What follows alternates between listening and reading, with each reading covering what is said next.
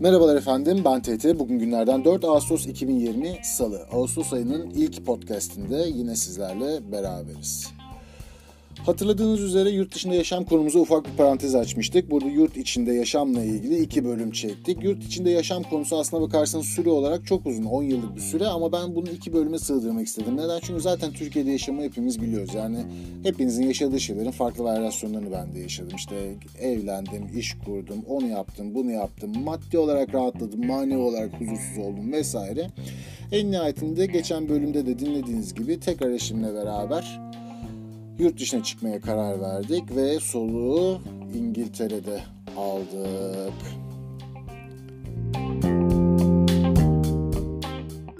Soluğu İngiltere'de almak biraz saçma bir kullanım oldu ama neyse tekrar e, çekmek istemiyorum bu konuştuğumu. Velhasıl kelam İngiltere'ye giriş yaptık. Bundan sonra hayatımıza İngiltere'de devam etmeye karar verdik. Şimdi bu bölümden itibaren konseptim benim biraz değişecek. Neden biraz değişecek? Çünkü bugüne kadar Amerika için ya da Türkiye'de geçirdiğim zaman için hep geçmiş zamanı kullanıyordum size.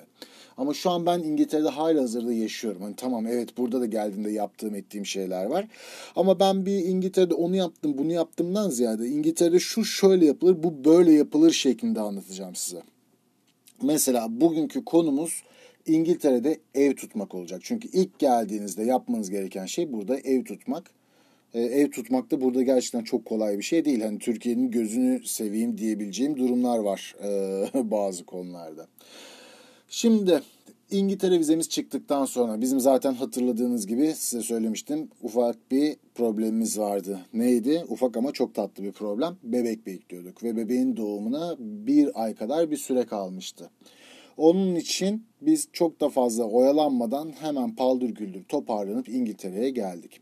Şimdi İngiltere'ye geldiğinizde yani hemen hemen herkesin yaşayacağı paranız olsa da olmasa da çok ciddi bir problem var. Hani bu Türk olmakla ya da dışarıdan gelmekle alakalı değil. Hani bunu bir Amerika'da yaşıyor ya da bir İngiliz diyelim ki çıktı 10 yıl başka bir yerde yaşadı sonra tekrar ülkeye geri döndü. O da aynısını yaşıyor. Hani bir yumurta mı tavuktan çıkar, tavuk mu yumurtadan çıkar problemi. Adres, banka ve sisteme giriş yapabilme, kredi historisi. Şöyle ki, e, adresiniz olmadan İngiltere'de hiçbir şey yapamıyorsunuz. Ve eğer e, İngiltere yeni geliyorsanız adresiniz Türkiye adresi, İngiltere'de bir adresiniz yok.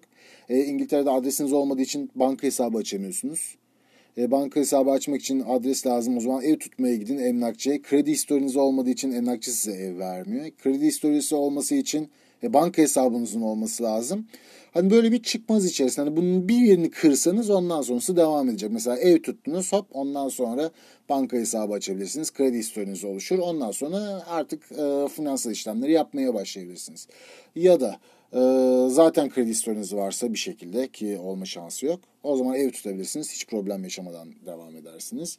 Ya da e, direkt ev tuttunuz diyelim ki ondan sonra gidip ilk başta bunu mu söylemiştim? Neyse kafam karıştı biraz. Hani bunu bir yerden e, kırmanız gerekiyor. Şimdi biz de geldiğimizde önümüzde çok ufak bir süreç vardı. Bu benim bahsettiğim sadece kaba hatlarıydı. Çünkü insanlar gelir gelmez neye ihtiyacı oluyor? Banka hesabına ihtiyacı oluyor, eve ihtiyacı oluyor. Ama bizim ikinci bir problemimiz bizim bir de doktora ihtiyacımız vardı. İngiltere'deki sağlık sistemi de Türkiye gibi değil. Hani özel bir hastane bulup selamünaleyküm deyip girip işlemlerinizi yaptıramıyorsunuz. Burada herkesin kayıtlı olduğu bir sağlık ocağı var. Bu sağlık ocağındaki doktora gidiyorsunuz. O doktor sizi bir doktora e, işte hamileyseniz doğum uzmanına işte ne bileyim başka bir sıkıntınız varsa o konunun uzman doktorunu hastaneye yönlendiriyor ya da hiç yönlendirmiyor. Bir ağrı yazıyor askerdeki gibi paketliyor gönderiyor sizi. Ama şimdi bu doktora da kayıt olabilmeniz için gene adrese ihtiyacınız var. Hop başa dönüyoruz. Adresiniz olmadığı için doktora kayıt yaptıramıyorsunuz. Doktora kayıt yaptırmadığınız için gidip muayene olamıyorsunuz. Hani doğurmak üzere bile olsanız adresiniz olmadığı için herhangi bir e, medikal yardım alamıyorsunuz. Şimdi biz de geldik ilk başta hani e, dedik hemen gidelim bir tane bu GP deniyor bu bahsettiğim sağlık ocağına. Daha doğrusu e, surgery deniyor. Ben mesela bu bana çok enteresan gelmişti. Ben bunu Amerika'da böyle miydi hiç hatırlamıyorum. Belki de hiç sağlık hizmetine girmediğim için ihtiyacım olmadığı için bu kelimeler bana biraz yabancı olabilir. Surgery ben sadece cerrahi anlamda biliyordum. Ama burada sağlık ocağına da surgery deniyor. GP dediğimizde bizim Türkiye'deki pratisyen, doktor, pratisyen, hekim herhangi bir uzmanlığı olmayan hani size bir ön e, muayene yapan, ufak bir teşhisi varsa koyan, doktorluk bir şeyiniz yoksa ya da sağlık sistemini oyalamayacağınız kadar basit bir probleminiz varsa bir grip gibi, nezle gibi onun için herhangi bir ilaç yazıp sizi gönderen kişi. Ee, şimdi biz gelir gelmez tabii ki kayıt olmak ve muayene olmak istedik. Neden? Çünkü işte ev taşı buraya geldi vesaire aradan bir zaman geçti. Zaten bir de sistem Türkiye'den çok farklı. Mesela Türkiye'de hamilelikte neredeyse her hafta sizi kontrol ediyorlar ama e, bu çok gereksizmiş bu arada onu da öğrendik. E, Türkiye'de biraz aslına bakarsanız böyle tribünlere oynayan sadece sizin paranızı almak için yapılan çok gereksiz saçma sapan şeyler varmış. Hani Türkiye'de biz neredeyse her hafta muayene oluyorduk. Özel muayene o zamanın parası herhalde 500 lira gibi bir şeydi. Her muayeneye veriliyordu. Bunların hiçbir anlamı yokmuş. Bir ikincisi bunların hiçbirinin de kaydını tutmamışlar. Mesela biz İngiltere'ye geldiğimizde bu kayıtlara ihtiyacımız oldu. Kayıtları da e, elde edemedik. Hani başlı başına bir fiyasko Türkiye'deki sağlık sistemi. Bunu size söyleyebilirim. Ve bizim Türkiye'de gittiğimiz doktor da e, Bağdat Caddesi'nde muayenehanesi olan Türkiye'nin e, konusunda en uzman hekimlerinden bir tanesi. Ama artık hiç saygım kalmadı. Tekrar konuyu dağıtmadan başa dönüyorum. Ee, şimdi GPA kaydı olmak için adrese ihtiyacımız var. GPA kaydı olamıyoruz. O zaman dedik hemen ev tutma şeylerine başlayalım. Hani biz Türkiye'deki gibi düşünüyoruz. Türkiye'de nasıl yaparsınız? Gidersiniz bir emlakçıya. Selamünaleyküm. Biz işte buradan ev bakıyoruz. Adam elindeki portföyü çıkarır. İşte sizin bütçenize göre kaç odalı istiyorsanız, ne büyüklükte istiyorsanız hani sizin kriterlerinize en uyan evden size göstermeye başlar. Anlaşırsanız da gider hemen çekmecesinde hazır zaten standart bir kira sözleşmesi şablonu vardır. Onu çıkarır, doldurur. iki dakikada yazar çizersiniz. Parasını verirsiniz. Bitti gitti. Maalesef İngiltere'de olay böyle değil. İngiltere'de öncelikle evi beğeniyorsunuz, internetten bakıyorsunuz ya da direkt emlakçıya da gidebilirsiniz. Biz emlakçıya gitmedik yani çünkü çok fazla opsiyon var. Ee, internette de bunların hepsi var. Hani internette olmayan herhangi bir emlakçı yok. Türkiye'de de sahibinden herhalde bu şekilde kullanılıyor. Ne kadar yaygın bilemiyorum ama. Şimdi internette baktıktan sonra sizin kriterleriniz uyuyorsa işte fiyatı size uygun, olan odası size uygun, ne bileyim bahçe istiyorsanız bahçesi var, şu var, bu var. Emlakçıyı arıyorsunuz. Emlakçı önce sizin tek tek bilgilerinizi alıyor. Adınız, soyadınız, eşinizin adı, soyadı, siz ne iş yapıyorsunuz, eşiniz ne iş yapıyor, kaç yaşındasınız, çocuğunuz var mı, sigara içiyor musunuz, hayvanınız var mı vesaire. 10 dakika sizi böyle bir e, zaten telefonda bütün bilgilerinizi köküne kadar alıyor. Ondan sonra size randevu veriyor. Bir hafta sonrasına 3 gün sonrasında, 5 gün sonrasında hani hadi gidelim deyip gidemiyorsunuz ya da ben bugünü ev ayırmaya, e, ev bakmaya ayırdım deyip o günü bütün hepsini sıkıştırmanız zor oluyor. Adam size ne zaman müsaitse o zaman bir hafta sonra randevu veriyor. Bir hafta sonra gidiyorsunuz bakıyorsunuz Aa, ev bana göre değilmiş. Hop bitti gitti. Bir haftanız boşa gitti. Başka eve bakıyorsunuz. Ya tabii o sırada tek bir eve bakmıyorsunuz. Yani bir sürü eve başvuruyorsunuz. Birine bir gün veriyorlar, öbürüne öbür gün veriyorlar. Ama İngiltere mesela Londra dışında e, toplu ulaşımı iyi olan bir yer değil. Şimdi İngiltere deyince insanların gözüne her zaman Londra geliyor. Gitmiş olanların, gitmemiş olanların da gene filmlerden dolayı yabancı ülke e, standardı işte Londra, New York gibi metrosunun olduğu, otobüsünün olduğu, elini kaldırınca taksinin durduğu bir yer. Ama aslına bakarsanız ne Amerika'da bu böyle ne İngiltere'de bu böyle. Sadece Londra'daysanız, New York'daysanız, Los Angeles'taysanız bu dediğinize benzer bir hayat yaşayabilirsiniz. Ama bunların dışına çıktığınız anda mesela İngiltere'de toplu ulaşım denen bir şey neredeyse yok. Şimdi siz hamile eşinizle beraber altınızda araba yokken ev bakmaya gitmek ölüm hani 20-30 bin nüfuslu bir kasabada nasıl söyleyeyim size arabayla 15 dakikada gidebileceğiniz bir mesafeye, mesafeye otobüse 1-1,5 saatte gidiyorsunuz. Neden? Saatte zaten bir tane otobüs var. O otobüs sadece ana yoldan geçiyor. Ara yolda bir yerse isterse 2 kilometre olsun, 3 kilometre olsun. Herhangi bir minibüstür, ıvırdır zıvırdır böyle bir sisteminiz de yok. İniyorsunuz ondan sonra yürüyorsunuz. Biz ilk başta eve bakmaya başladık. Beğeniyoruz ama telefonda dedim ya ilk başta bilgilerinizi veriyorsunuz. Adamları deyince biz Türkiye'den yeni geldik. Kredi skorumuz yok. Hop baştan kaybettiniz. Yok diyor bu evi size gösteremeyiz. Allah'tan tanıdığımız birisi vardı bize garantör olmayı kabul etti. Dedik garantörümüz var. Birçok e, yerde dedi ki garantör de biz kabul etmeyiz. Kaldık dındızlak süre geçmeye başladı ev bulamıyoruz, sıkışıyoruz artık hani bir an önce doğuma hazırlanmamız lazım vesaire. Hani o günleri anlatamam size açıkçası. inanılmaz derece stres dolu böyle iğrenç bir zamandı. Sonra ben bir yandan da çalışmaya başladım. Bir yandan yani o sırada nerede kalıyoruz? Airbnb'den 2-3 hafta 2 haftalık bir ev ayarlamıştık. Orada kaldık. Ondan sonra o süreç bitiminde biz hala ev bulamadığımız için sonra da orada başka bir şirketten gene bir iki hafta daha ev ayarladık. Oradan oraya geçtik. Şimdi belirli bir sınırlı bir parayla gittiğiniz için bir an önce çalışmaya da başlamak lazım. Hani ben de kendi işimi bir yandan başlatayım diye müşteri ziyaretlerine de başladım. Ee, normalde ben işte tekstil mühendisiyim, kumaş satıyorum. Müşterilere gidip kumaşlar gösteriyorum. Onların satışından pay alıyorum. Böyle bir sistemim var. Yani normalde ben bunu Türkiye'de kendi firmam için yapıyordum. Şimdi buraya gelince başka firmalar adına yapıp onlardan pay istiyorum. Ondan sonra bir tane müşteriye gittim. Dedim, müşteri dedi ne yapıyorsunuz ya dedim böyle böyle. Ee, biz Peterborough'dayız şu anda. Peterborough'da ev bakıyoruz ama bulamıyoruz. İşte kredi histori olmadığı için vermiyorlar. İşte garantör kabul etmeyen yerler var vesaire. İşte doğum bir yandan yaklaşıyor. Onun için çok sıkıntılıyım falan. Ne yapacağım ben de bilmiyorum. Dedi etraftaki yerlere baktınız mı? Dedim neresi var etrafta? O da oradaymış. Dedi Stanford var, Oakham var. Bunlar dedi çok güzel kasabalardır. Hani Peterborough'dan çok çok daha güzel kasabalardır. Ha, tamam falan bakarım dedim ben. Öyle aklımda kaldı. O hafta sonu da eşimle beraber hani gelmişken de dedik e, buraları da gezelim. Tadını çıkaralım ne var ne yok.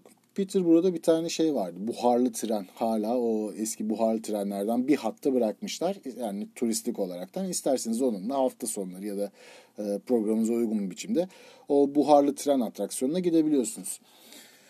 İşte dedik eşimle beraber buharlı tren yapalım bari bu hafta sonu. Ondan sonra gittik buharlı treni kaçırdık. Buharlı treni kaçırınca dımdızak ortada kaldık. Şimdi tren istasyonundayız. E dedik ne yapacağız? O anda aklıma geldi. Benim müşterim bana söyledi işte Stanford'a gittiniz mi çok güzel bir kasabadır dedi. Aa dedik tamam hadi tren istasyonundayız madem. Stanford'da çok güzel bir kasabaymış. Hadi basalım Stanford'a gidelim.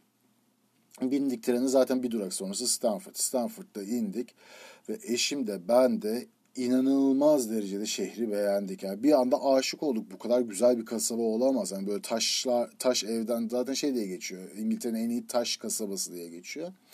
Taş evlerden kurulmuş hani parkı, nehri ya böyle arabaları çıkarın 14. 15. yüzyıldasınız. Muhteşem bir şehir. Çok güzel. Ya dedik burası gerçekten çok güzelmiş. Hani bir de Peterborough'da biraz aslına bakarsanız büyük yani büyük şehir derken Türkiye'deki büyük şehirler gibi düşünmeyin. Yani büyük bir kasaba gibi düşünün. Hani Peterborough'da daha büyük bir şehir olduğu için biraz daha böyle kozmopolit, biraz daha pis, biraz daha böyle albenisi düşük bir yer.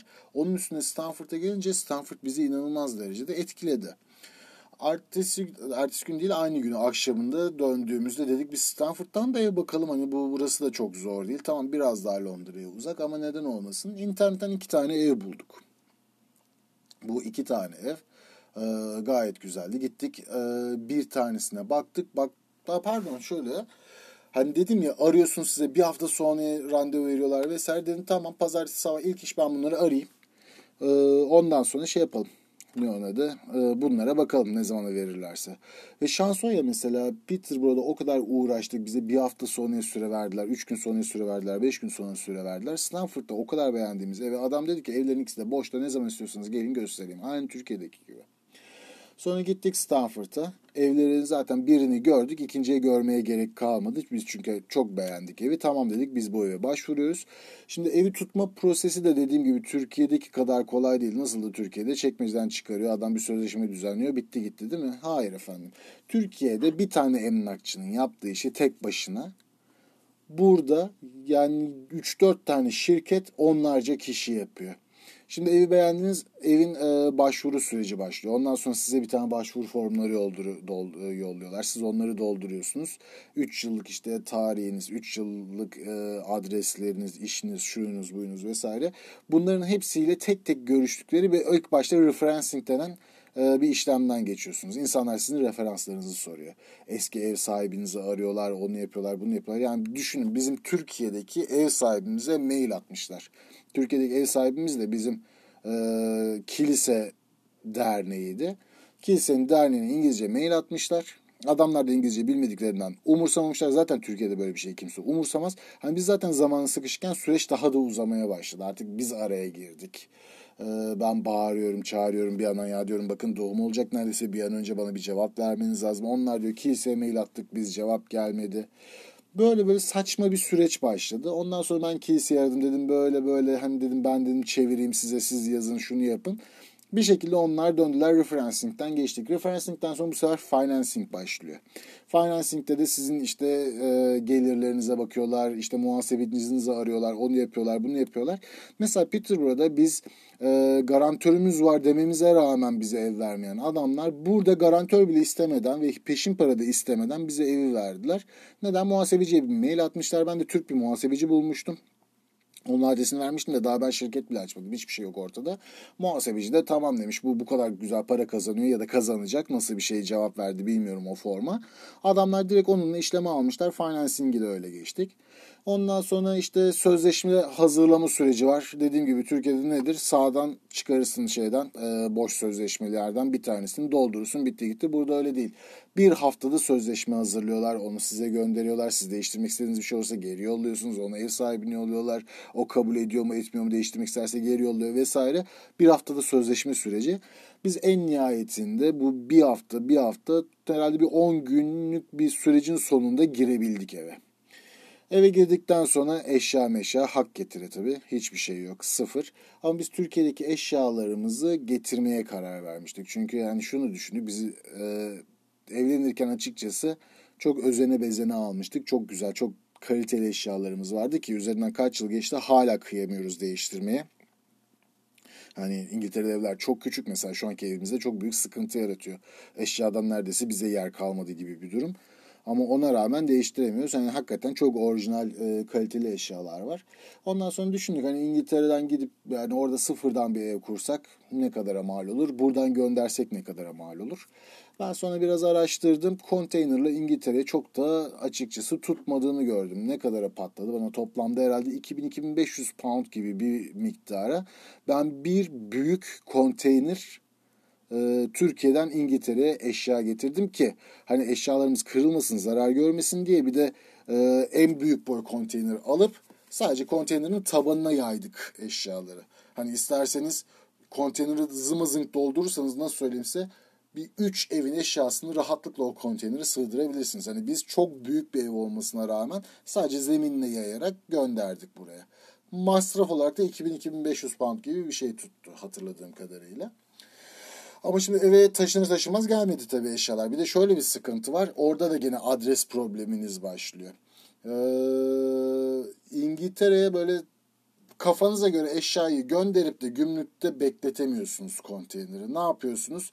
İlk başta bir tane gümrük e, bölümü var bu eşya getirmekle ilgili. Şu an tam ismini hatırlayamıyorum hükümetin. Oraya mail atıyorsunuz diyorsunuz ben böyle böyle bir şey yapacağım. Onlar size bir tane numara gönderiyorlar. Diyorlar ki tamam bu numarayla konteynerini sevk edebilirsin. O numara olmadan hiçbir nakliyeci konteynerini sevk etmiyor Türkiye'den. E, o numarayı almak için, o şeyi yapmak için de adrese ihtiyacınız var. Adresiniz olmadan da o numarayı alamıyorsunuz. Gene ilk başta döndüğümüz tavuk yumurta ilişkisine girdi. Ev tuttuktan sonra hemen gittik o numara için başvurduk. Bir hafta sonra o numara geldi. O bir haftanın sonunda numarayı verince konteyneri Türkiye'den çıkarttılar. O zamana kadar evde duruyordu. Yani bir anlamda diğer evin kirasını ödemeye devam ediyorduk. O çıktıktan sonra Türkiye'den eşyaların gelmesi de yaklaşık bir, bir ay sürdü. Biz bir ay boyunca sıfır eşyayla yaşamaya başladık. Yani sıfır eşya da öyle bir şey ki. Ee, mesela düşünün yemek yiyeceksiniz yemeğinizi koyabileceğiniz bir tabağınız yok. Oturabileceğiniz bir sandalyeniz yok. Yani evi tuttuk biz de bomboş bir ev tuttuk girdik içine. Yemek yemek için mesela marketten gidip e, plastik konteynerlarda yemek alıp parktaki o piknik masalarında yemek yiyorduk. Hani bir iki üç gün böyle geçti açıkçası masa sandalye vesaire tedarik edene kadar. E, sıfırdan kendi eşyalarımız gelene kadar bizi idare edecek e, eşyaları da böyle bir hafta içerisinde toparladık. Ha bu süre zarfında bir de size bölümün başında anlattığım gibi Londra vesaire gibi büyük şehirler dışında toplu ulaşımla zaten e, hareket etme gibi bir şansınız yok. Ondan dolayı ben daha da zorlanmamak için çünkü bir de eşim de hamile zaten. Hani onun da hareket kabiliyeti sınırlı. E, bu daha evi tutmadan ben bir de araba aldım. Hani çünkü araba ucuz bir şey İngiltere'de ve çok bize gerekiyordu. Çok zorluyordu bizi. Ondan dolayı o çok büyük bir şansımız oldu. Bir de büyük bir araba aldık. Zaten araba alırken de şöyle yaptık. Eşya taşıyabileceğimiz, mümkün olduğunca büyük ve en ucuz arabayı bulduk internetten gittik aldık. Şansımıza güzel de bir şey çıktı. Ondan sonra o arabayla biz hemen bir hafta içerisinde kendimizi en azından o asgari derecede döndürebilecek kadar eşya toparladık gittik ne bileyim bir tane katlanabilir yatak aldık. Hala kullanıyoruz mesela onu. şeyler geldiğinde, misafirlerimiz vesaire geldiğinde gittik işte masa sandalye aldık bir ondan sonra bir iki kişiye yetecek kadar çatal, kaşık, bıçak, tabak, çanak vesaire onları aldık. Böylelikle orada yaşamaya başladık. Ondan sonrası ise doğum süreci.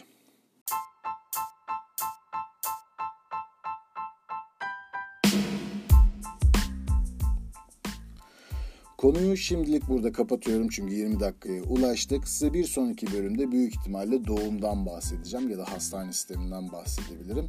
Ama araya başka bölümler de atabiliriz. Mesela bugünlerde dikkatimi çeken çok güzel podcast e, kanalları var. Podcast yapan çok güzel kişiler var. Hani bu podcastler üzerine de bir konuşmak istiyorum. Size bazı tavsiyelerde bulunmak istiyorum. Onun dışında sizin de konuşmak istediğiniz, görüşmek istediğiniz, benden duymak istediğiniz konular varsa lütfen bana ulaşın. Mail atın, Twitter'dan ulaşın. Ben Instagram kullanmıyorum ama anladığım kadarıyla Türkiye'de daha çok Instagram kullanılıyor. Galiba bir Instagram kanalı da açacağım ben bu e, kanal için. Umarım sizinle daha fazla etkileşime geçebiliriz böylelikle. Yani çünkü Twitter'da da ben çok fazla aktif değilim ama e, hani bir şekilde kendimizi duyurmamız lazım. Bakıyorum e, bazı podcast kanallarımızda hiç Twitter'da yoklar. Sadece Instagram'da varlar. Hani İngiltere'de Instagram çok popüler bir şey olmadığı için benim hiç aklıma gelmemişti. Ama en nihayetinde bu kanal içinde bir tane Instagram sayfası açabiliriz. Onun dışında sizin her türlü önerilerinize, e, her türlü tavsiyelerinize açığım. Kendinize iyi bakın, mutlu kalın, huzurlu kalın. Sizleri seviyorum, sizleri öpüyorum. İyi günler.